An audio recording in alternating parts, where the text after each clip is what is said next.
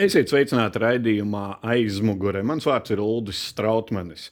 Pirms nedēļas raidījumā aizmugurē pievērsāmies biatlona problēmām un atklājām jaunus faktus, kas iespējams būtu jāizvērtē ne tikai sporta vadošajām organizācijām. Šodien raidījuma otrajā daļā turpināsim biatlona tēmu, bet pirmajā daļā kopā ar savu kolēģi Almantu Poikānu apspriedīsim pēdējo nedēļu karsto tēmu sportā.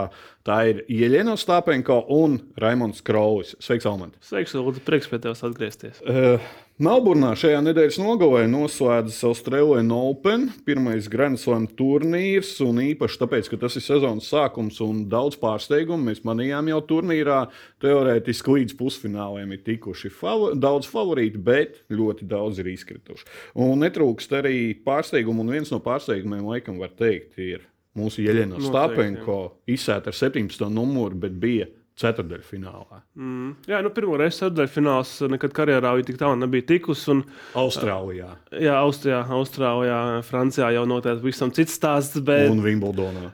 Bet, nu, jā, nu, man pašam arī negaidīt, protams, jo, kā jau mēs teicām, Austrālijā viņa nu, tik labi spēlēja pirmo reizi. Un, un tagad pakāpsies jaunākā rangā, jau būs uzreiz aiz pirmā desmitnieka.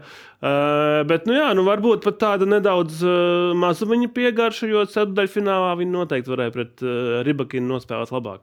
Uh, varētu teikt, ka viņai arī bija labvēlīga izloze. Daudz saka par tām izlozēm, ja? jo izsētā tenisiste nāca tikai Gofa 8. Mm. Tagad ir Bakinē viņa zaudēja. Mm -hmm. nu, tādā ziņā pirmās spēles bija ļoti labs, laba platforma iesildīties. Viņš bija ņemams, ja mēs tā varētu teikt. Jo konkurences, konkurences daļa konkurenču, kas viņai nāca pēc tam, Viņas jau tās favorītas arī izslēdz. Švontek, teorētiski Ostomenko varēja spēlēt pret Švonteku, ja nemaldos, ne, un uh, viņa zaudēja jau iepriekš, tā kā izstājās no turnīra. Un tādā ziņā Ostomenko ceļš bija ļoti labvēlīgs, lai tiktu līdz tam ceturdaļfinālam, uh, nu, kurā, diemžēl, tad nācās piekāpties. Uh, jā, runājot par ceturdaļu finālu, Stapenko beig daudz runāja. Ar tribīnēm atkal bija šī vecā labā Stapenko. Nu, tas ir laikam tas brīdis, kad viņa kaut kur pazaudē to ritmu. Jā, nu viņi runā ne tikai daudz ar, ne, ne, ne tikai daudz ar tribīnēm, bet arī ar elektronisko līniju sistēmu, ne, kuras, kuras lēmumus viņa ļoti bieži apšauba un, un uzskata, gan, ka ir pārāk novēloti tie, tie signāli, ne, vai bumba ir iekšā vai ārā, un, un, un arī liela neprecizitāte tā esot pa vairākiem centimetriem. Nu, katrā ziņā Ostapenko kā kā mēs regulāri esam pieraduši, ir par ko pasūdzēties. Jā, un, un šeit fonā it was really like not even by a couple of centimeters. It was much more than that and uh, but i cannot do anything about it because it is the way as it is but i feel like some lines sometimes the system is not how you say not ignoring but sometimes the, the calls are first of all they're really late sometimes you already hit the ball and then you hear out which is normally not the way it is with the line umpires. And second of all, some balls were quite, uh, how you say, not a little out. They they were a bit out, and they were not called.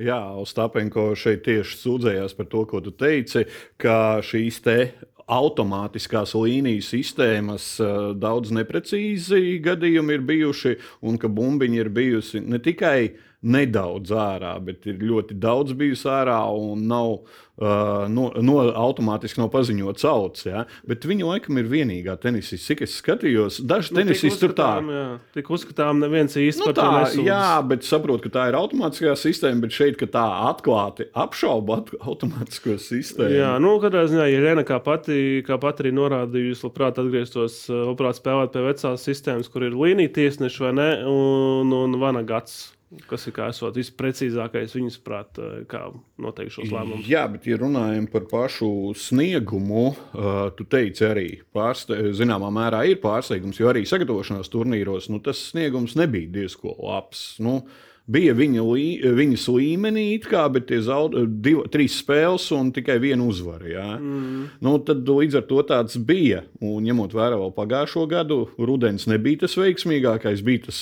saucējs saucam, sausuma periods pēc US Open un arī pirms tam. Tā kā, nu, Tāpēc es saku, nu, mēs jau tur runājam. Tāpēc tas bija nedaudz pārsteidzoši, ka viņi tiek Austrālijā līdz ceturdaļfinālam un reāli pat bija varbūt tik to tālāk pie veiksmīgākas apstākļu sagatavības. Bet, nu, jā, nu redzēsim, kāds būs turpinājums. Uh, bet, nu, jā, nu, pirmais desmitnieks pasaules, pasaules elite, varbūt viņi tur varēs atgriezties jau tuvāko mēnešu laikā. Uh, jā, minēja desmitnieku. Es paskatījos viņu uh, šo te grafiku, kāds ir. Nu, viņai februārī, februāris būs ļoti smags, jo pagājušais gads februāris bija ļoti veiksmīgs. Un tad jāatkārto vismaz tas sasniegums, kas ir bijis, lai noturētos sākumā ar top 20, un tad jau var sākt domāt mm. par atgriešanos top 10. Jā. Nu, vēl tāda vieta izaugsmē ir, kā tu pats minēji, sezonas otrā pusē noteikti, kas pagājušajā gadā nebija tik veiksmīga. Un, eh, un ja šogad viņai tas izdodas, tad, tad eh, gaļā mēs varam cerēt arī potenciāli, ka viņa tikai dubultspēlēs piedalīsies sezonas noslēguma turnīrā. Nu, mēs jau tagad sezonas sākumā runājam par oktobri, novembri vai ne, bet eh, nu, varbūt sezonas otrā pusē arī izdodas diezgan veiksmīgi nostartēt. Jā, un otra karstā tēma Latvijas futbols. Un šoreiz ļoti labā ziņā paskatāmies. Neticami, vai ne? Raimons Krolis. Tagad ir Itālijas A sērija. Uh, par šo nu runāja jau vairākas nedēļas. Uh, runāja jau, ka būs oficiāli tad un tad, un visu laiku, kamēr nav oficiāli paziņots, ir tā šauba, vai ir vienošanās vai nav. Izskanēja oficiāli, ka Krols ir uzlicis parakstu, bet Ir vēl jau pastāv iespēja, ka klubi nevienojas. Ja? Jā, bet, bet nu, no... tagad viss ir labs, kas labi beidzas. Un uh, pa, Raimons Krauls no Valmieras, Latvijas čempionu vienības, Valmieras pārceļās uz Itālijas A sēriju. Uh, nu, tagad gan tā, pagaidām viņa ir otrā ešalona komanda speciālā mm. sērijā, bet tā ir A sērija. Nu. Tā ir A sērija, jā, spēcīgi cīnīsies sezonas atlikušā daļā par vietas saglabāšanu. Uh, uh, elitē A sērijā. Un, uh, nu, šobrīd pagaidām situācija izskatās ļoti laba, bet uh, nu, tieši klubam. Uh, bet runājot par Raimondu, nu, grūti spriest. Piektdiena uh, ir spēle pret Boloņas vienību. Uh, es vēl neesmu drošs, vai, vai Kraus tajā piedalīsies, jo, jo kā nekā pēc virslīgas pārtraukuma, pēc virslīgas beigām viņš vairs nav spēlējis. Ir jau kādi pāris mēneši pagājuši, un viņš noteikti nav optimālajā formā. Rīt ir spēle pret Boloņu, un pēc nedēļas ir uh, neapstrīdamā Itālijas sasērijas līdere Napolija. Nu, laikam, laikam var teikt, ka šobrīd Krolim ir svarīgākais šie treniņi, jo atcerēsimies, ka viņš ir starpsezonā.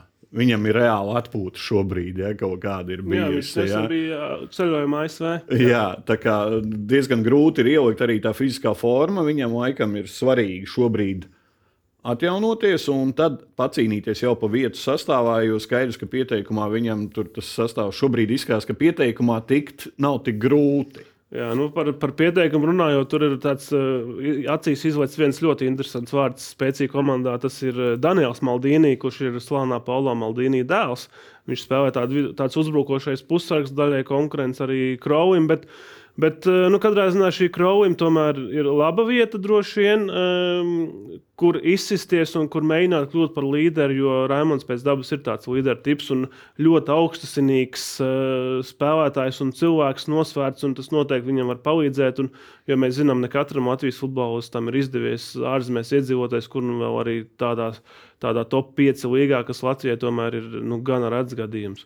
Jā, un šeit gribētu citēt Jurģi Kalnu iepriekšējo, tagad jau iepriekšējo viņa treneru Valmierā, kurš ir gandarīts, jā, un uh, novēl neapstāties pie sasniegtā un turpināt attīstīt talantu, kas viņam viennozīmīgi ir, un neizpaliks rezultāts. Esmu pārliecināts, ka viņam šajā līmenī Itālijā izdosies. Mm. Uh, Varā, šis laikam ir tas brīdis viņa karjerā. Diemžēl daudziem Latvijas futbolistiem arī šādi brīži bijuši, bet viņi nav izmantoti. Kad vai nu tu apliecini, ka tu ej šajā nākamajā līmenī, vai nu tad tu spēlē Eiropas klubos.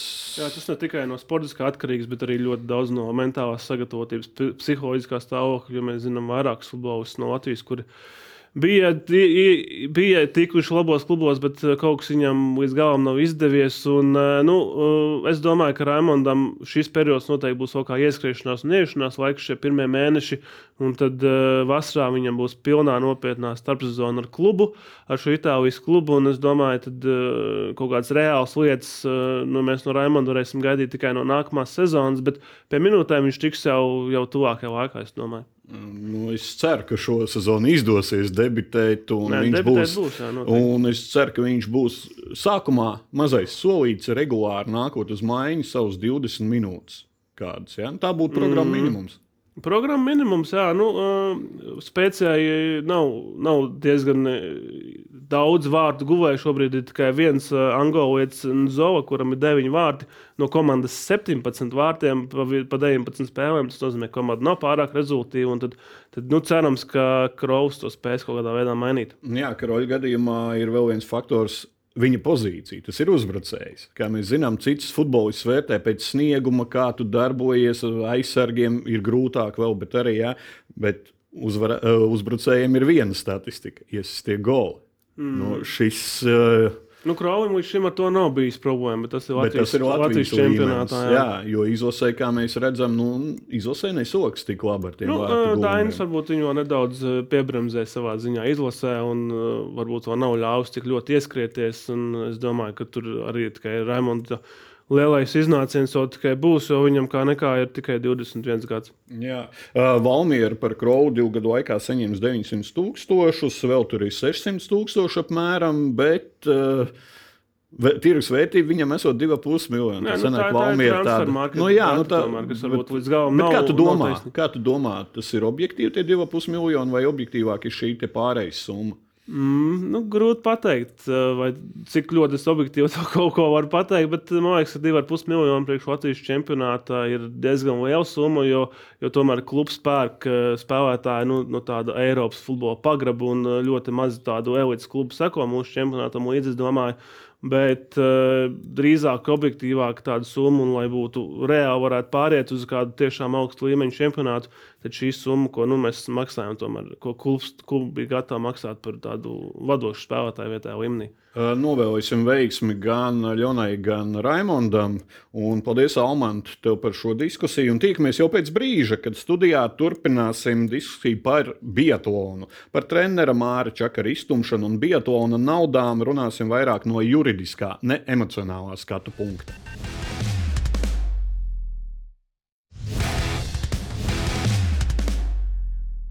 Esiet sveicināti atpakaļ raidījumā aizmugure.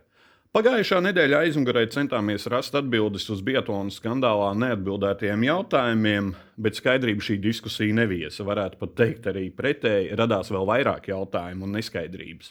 Tādēļ šodien aizmugures otrajā daļā centīsimies paskatīties uz notiekošo Bietlona saimniecībā nedaudz ar tādu juridisku pieskārienu. Tāpēc attālināti šodien raidījumam pieslēdzies ir Raits Kesels, Latvijas Olimpiskās komitejas juridiskā dienesta vadītājs. Sveicināti, Keseļkungs! Labrīt! Un studijā ar mani joprojām ir kolēģis Almans Poikāns, kurš bija arī viens no pirmajiem, kas pagājušā gada nogalē sāka šķitināt bietonu virtuvi. Sveicināts, Almans! Jā, sveiks, vēlreiz! Sāksim ar trenera Čakara jautājumu. Biatlona federācija īsti argumentus nespēja sniegt publiskā telpā, kādēļ ir šāda attieksme pret vienu no treneriem, un nojaušams, ka tur ir kaut kāda personīgā iespējams nepatika. Keseļa kungs, cik daudz un kā notiekošajā ir iesaistījusies Olimpiskā komiteja? Kā kolēģi zinām, Latvijas Olimpiskā komiteja šādās situācijās, kuras gan par laimi ir visai retas, vienmēr cenšas aizsargāt uh, sportistu intereses un uh, viņu iespēju gatavoties augstiem sasniegumiem un startiem. Tādēļ no savas puses esam organizējuši vairākas tikšanās kā ar sportistu un federācijas vadības iesaisti. Eh, tā tikai ar federācijas vadību eh, esam centušies šo situāciju risināt, taču, kā jau pareizi atzīmēja, eh, informācijas par to, kas tad īsti ir šīs situācijas pamatā, pilnā mērā nav arī mums. Līdz ar to diezgan grūti palīdzēt to atrisināt. Mm. Vai Loka ir saņēmusi nu, ne tikai pēdējā laikā kaut kādas sūdzības par Čakara kungu, jo es saprotu, arī Biatlona federācija īsti jums nav pateikusi nekādas sūdzības par treneru? Jā, ok, rīcībā šādas informācijas nav. Paši no Biatlona federācijas izvērstu skaidrojumu par to, kas tad īsti ir šīs situācijas pamatā, arī saņēmuši nesam. Līdz ar to cenšamies savu iespēju robežās risināt mums līdz galam neizprotamu, taču neapšaubāmi sportistu sagatavošanās procesam kaitējošu situāciju. Kas ir kungs jau teica par šo sportistu sagatavošanās ietekmi, nu, procesa ietekmēšana no šī skandāla. Alman, tu biji iekšā un zini to visu, kā sportistiem ir ar to. Ir grūti, mēs redzam, tas rezultāts. Uh, jā, pie, jā, pie Mārķa Čakara, kā mēs zinām, bija nu, Mārķa Čakara grupā bija palikuši trīs sportisti - Renārs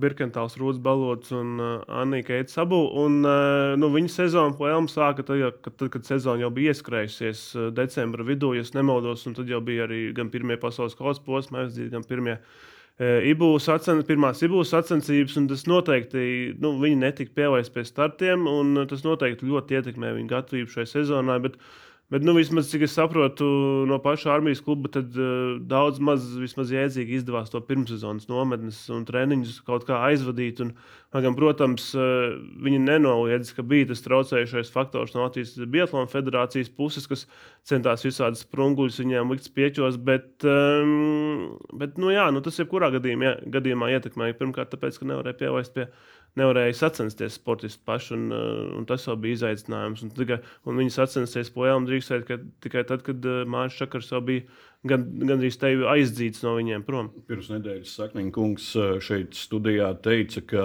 nevar, nevar norakstīt šo sezonu, bet Alman Toikam piekritīs, ka nu, šai sportistu grupai, kas ir bijusi šī sezona, nu, karjerā, diemžēl, ir tāda izsvītrojama. Nu, tas ir ļoti žēl, jā, tā var piekrist, un eh, īpaši žēl ir tieši Renārs Birkentāls, kuram šī pēdējā sezona junior konkurencē, un viņš bija tēmējis tieši uz junior sacensībām. Eh, sasniegt savu pīķu uz eh, junioru pasaules čempionātu, kur jau viņš pagājušajā gadā pierādīja, ka viņš ir ļoti spēcīgs eh, jaunais biatlonists. Un, nu, skaidrs, ka viņš noteikti startēs, bet tie rezultāti nebūs tik labi.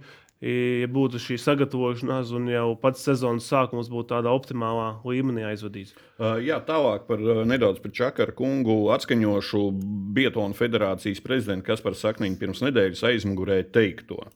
Uh saņemt informāciju no Startautiskās Biatlona Federācijas Savienības sadarbības partneri, kas izmeklē, pārbauda tiesiskumu, ētikas pārkāpumus, antidopinga rezultātu ietekmēšanas.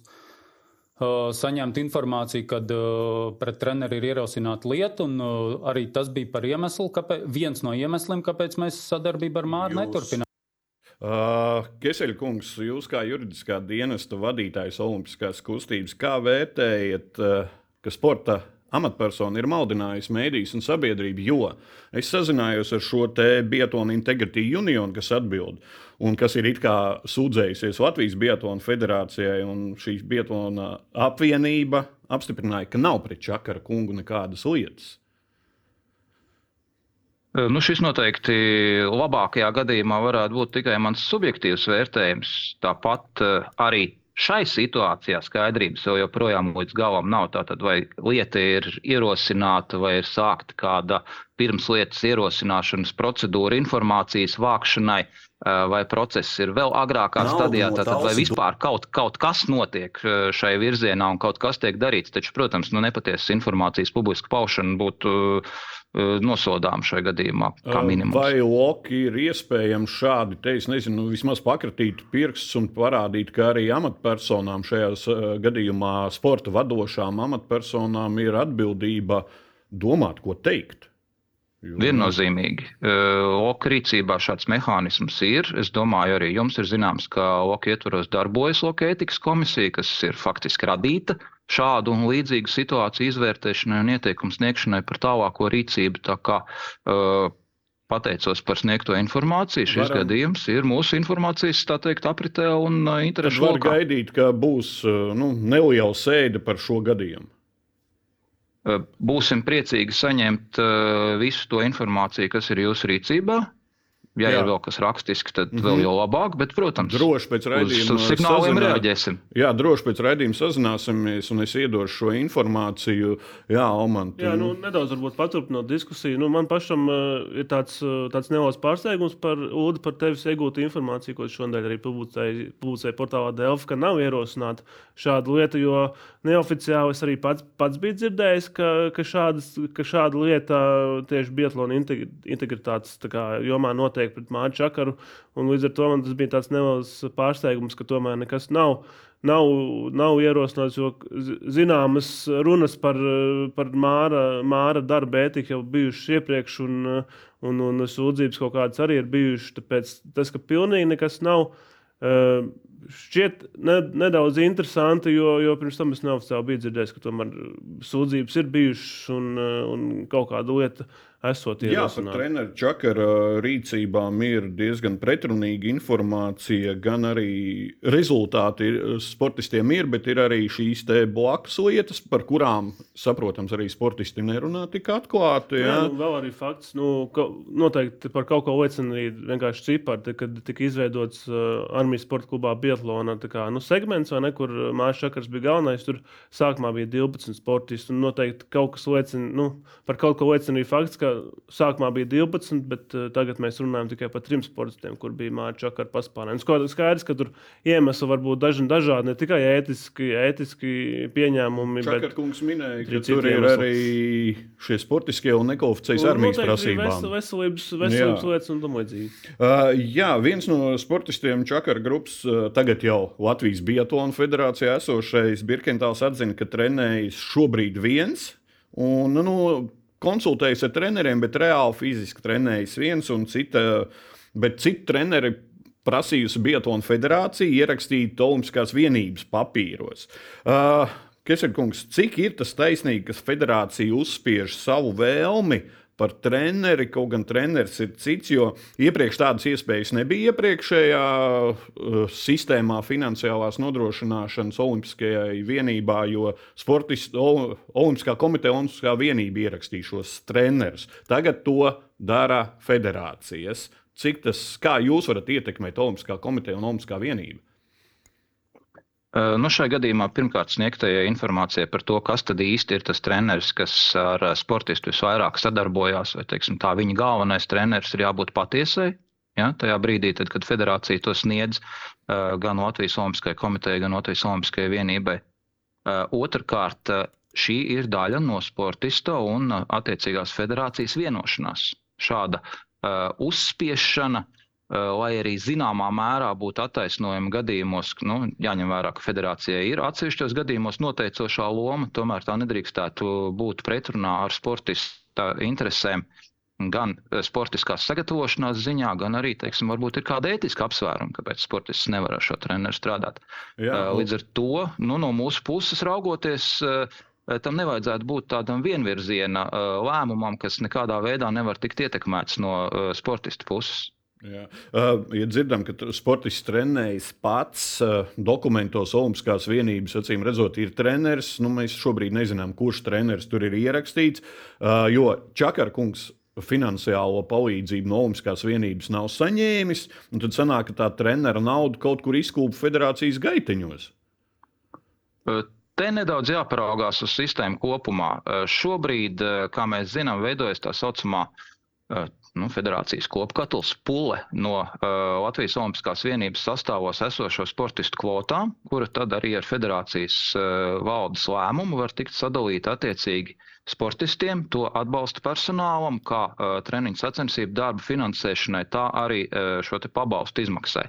Līdz ar to uh, precīzas noteiktas sasaistes un uh, garantiju, ka atrašanās Olimpiskās vienības sastāvā un uh, esamība par šādu sportistu treneri dod kaut kādu uh, tālāku iespēju saņemt, piemēram, pabalstu noteiktā apjomā. Uh, šobrīd nav, un uh, šī te jautājuma risināšana atrodas pilnībā federācijas kompetencē, protams, tur minimālo, maksimālo noteikto apjomu robežās. Es saprotu, papildināt nedaudz. Es iepriekš par šo tēmu runāju ar Biatlona federācijas prezidentu Sakniņu, un viņš minēja, ka šis procents starp, starp lovu naudu, kas nonāk pie sportista un kas pie apkalpojošā personāla, varētu būt apmēram nedaudz lielāks pašam sportistam, nu, rupi reiķinot 60 pret 40 vai ne. Un tad šī pārējā summa, kas tiek kā, treneriem tiek novirzīta, kā, kā jau jūs minējāt, kopējā katlā. Un tad eh, nu, treneru darbam. Un šajā gadījumā tie ir treneri no Biatlona federācijas, Reinis Korsūnovs un Valds Bērziņš. Un tad uz viņiem šī summa arī tiek sadalīta. Un pareizi minēji, ka Mārim Čakaram no Latvijas Olimpiskās Savienības tad šajā gadījumā ir vēl viena tāda nianse, jo, piemēram, Baibs Bendiks uh, un Ilmāra Briča Katols iet nu, kaut kā atsevišķi. Nu, tad tas neiet kopā. It kā ir Biatlona federācija, bet it kā nav Biatlona federācija. Ja? Nu, tad... Un vēl arī, protams, jautājums par Andreju Ras... ah, Rasugos. Nav, šobrīd. Andrejs Rasugos šobrīd jā, nav Olimpiskajā vienībā. Tā kā, uh, es domāju, ka Olimpiskā vienība pievērsīs arī šim faktam uzmanību, jo apskatīsies, teiksim, nu, kur aiziet. Jo sportists it kā trenējās, bet tā treneru naudu viņiem. Nu, Renārs Bergentāls ir šodien sporta studijā pateicis, ka viņš šobrīd trenēs pats un, teiksim, pie Rēna Sūno, kurš tomēr vairāk arī bieži tiek traktēts kā tāds nu, drīzāk slēpjas mērātais tehniskais cilvēks. Viņš pie Renārs pie viņa vērš drīzāk pēc tāda konsultatīva padoma, nevis pēc treniņa plāna vai pēc kaut kādām tādām metodēm. Keseļkungs, cik Olimpiskajai komitejai un Olimpiskajai vienībai ir iespēja uh, līdzēt sportistam, kurš šobrīd trenējas viens? Ja runājam tieši par treniņu sacensību darbu, nu, tad vismaz šobrīd esam veikuši visu no mums atkarīgo un nepieciešamo, lai šis finansējums sportistam kļūtu pieejams. Attiecībā uz treneru pieejamību un sadarbību ar tiem Latvijas Olimpiskās vienības sastāvā, protams, ir arī pieejami uh, tieši sporta fiziskā darba speciālisti, taču uh, katra sporta veida uh, specifisku augstu līmeņa treneri pagaidām šobrīd piedāvāt nevaram. Līdz ar to mūsu iespējas arī tieši attiecībā uz sagatavošanos konkrētās sporta veida sacensībām ir visai ierobežotas šai ziņā. Visu pārējo, protams, maksimālā apmērā, kā tas no Latvijas Olimpiskās vienības resursiem iespējams. Uh, jā, turpinot par finansēm, atkal paskatīsimies pagājušajā nedēļā raidījumā aizmugurē Sakniņa kunga citātu. Domas, tas ir ja sagatavošanās posma, no, kurā vietā jūs varētu bija. parādīt? Jūs varētu parādīt. Tas ir dalībai, jā, tas ir pievilkts, lai mēs varētu iesniegt. Uh, Ko lūdzu? Kā jūs teicāt? Tas ir. Kā um, jūs teicāt, pievilkts? Es teicu, ka tas ir sagatavots, lai mēs varētu pretendēt uz šo finansējumu. Keseļkungs, Sakniņkungs tieši atklātā tekstā teica, ka ir rakstīti vienkārši papīra, lai dabūtu no tausu domas naudu sportistiem. Kā jūs vērtējat to, ka amatpersona atkal kārtējo reizi minot sporta organizācijas vadītājs atklāti pasaka, ka, nu, es negribu teikt vilto, jo tie nav viltot dokumenti, bet eh, raksta un maldina? Jā, nu, visai duāls jautājums. No vienas puses, man, protams, prieks par to, ka Sporta veidu federācijas aktīvi darbojās, lai nodrošinātu pašvaldību finansējumu savu sportistu sagatavošanai. No otras puses, kā jau sacīja, informācija, kas tiek sniegta, tai ir jābūt patiesai. Eh, pretējā gadījumā mēs, kā uh, sporta sabiedrība kopumā, zaudējam uh, gan iesaistīto valsts un pašvaldību partneru uzticību, gan arī sabiedrības uzticību. Tas nekādā ziņā nav nedz atbalstāms, nedz pieļaujams. Jā, uh, Almant, kā tu domā, šis ir atsevišķs gadījums federācija, vai tā ir arī citās federācijās tāda sistēma, sagatavojam dokumentus, dabūnam naudu, galvenais kaut kā dabūnam to naudu, lai sportistiem varētu kaut ko iedot. Un jautājums, vai līdz sportistiem tā nauda aiziet? Mm, tā grūti pateikt. Nu, tagad uz tādiem uh, baigiem pieņēmumiem uh, mētātos, bet uh, nu, man ir sajūta, ka noteikti šis nav vienīgais tāda veida gadījums, jo nu, tā nauda jau ir tā nauda ir tik, cik ir, un katrs grib dabūt uh, pēc iespējas lielāku to kumulus gaņu. Uh, jā, kas ir kungs, bet ko var darīt uh, šajā gadījumā, kad Biatlona federācijas prezidents pasaka, ka nu, sataisam, nu, nezinu, Biatlona federācijai izsaka izrādījumu, pēc tam attiecīgi jāvēršas droši vien pie izglītības ministrijas, vai tā pārskata finansējumu, jo šī ir, nu, zināmā veidā krāpšanās. Labi, par mutiski izteiktiem pieņēmumiem es domāju, mēs šobrīd varam diskutēt diezgan ilgi, taču mans padoms attiecīgajai pašvaldībai būtu pienācīgā kārtā izvērtēt iesniegto dokumentu patiesumu un atbilstību. Iespējams, ka tie ir patiesi un atbilstoši.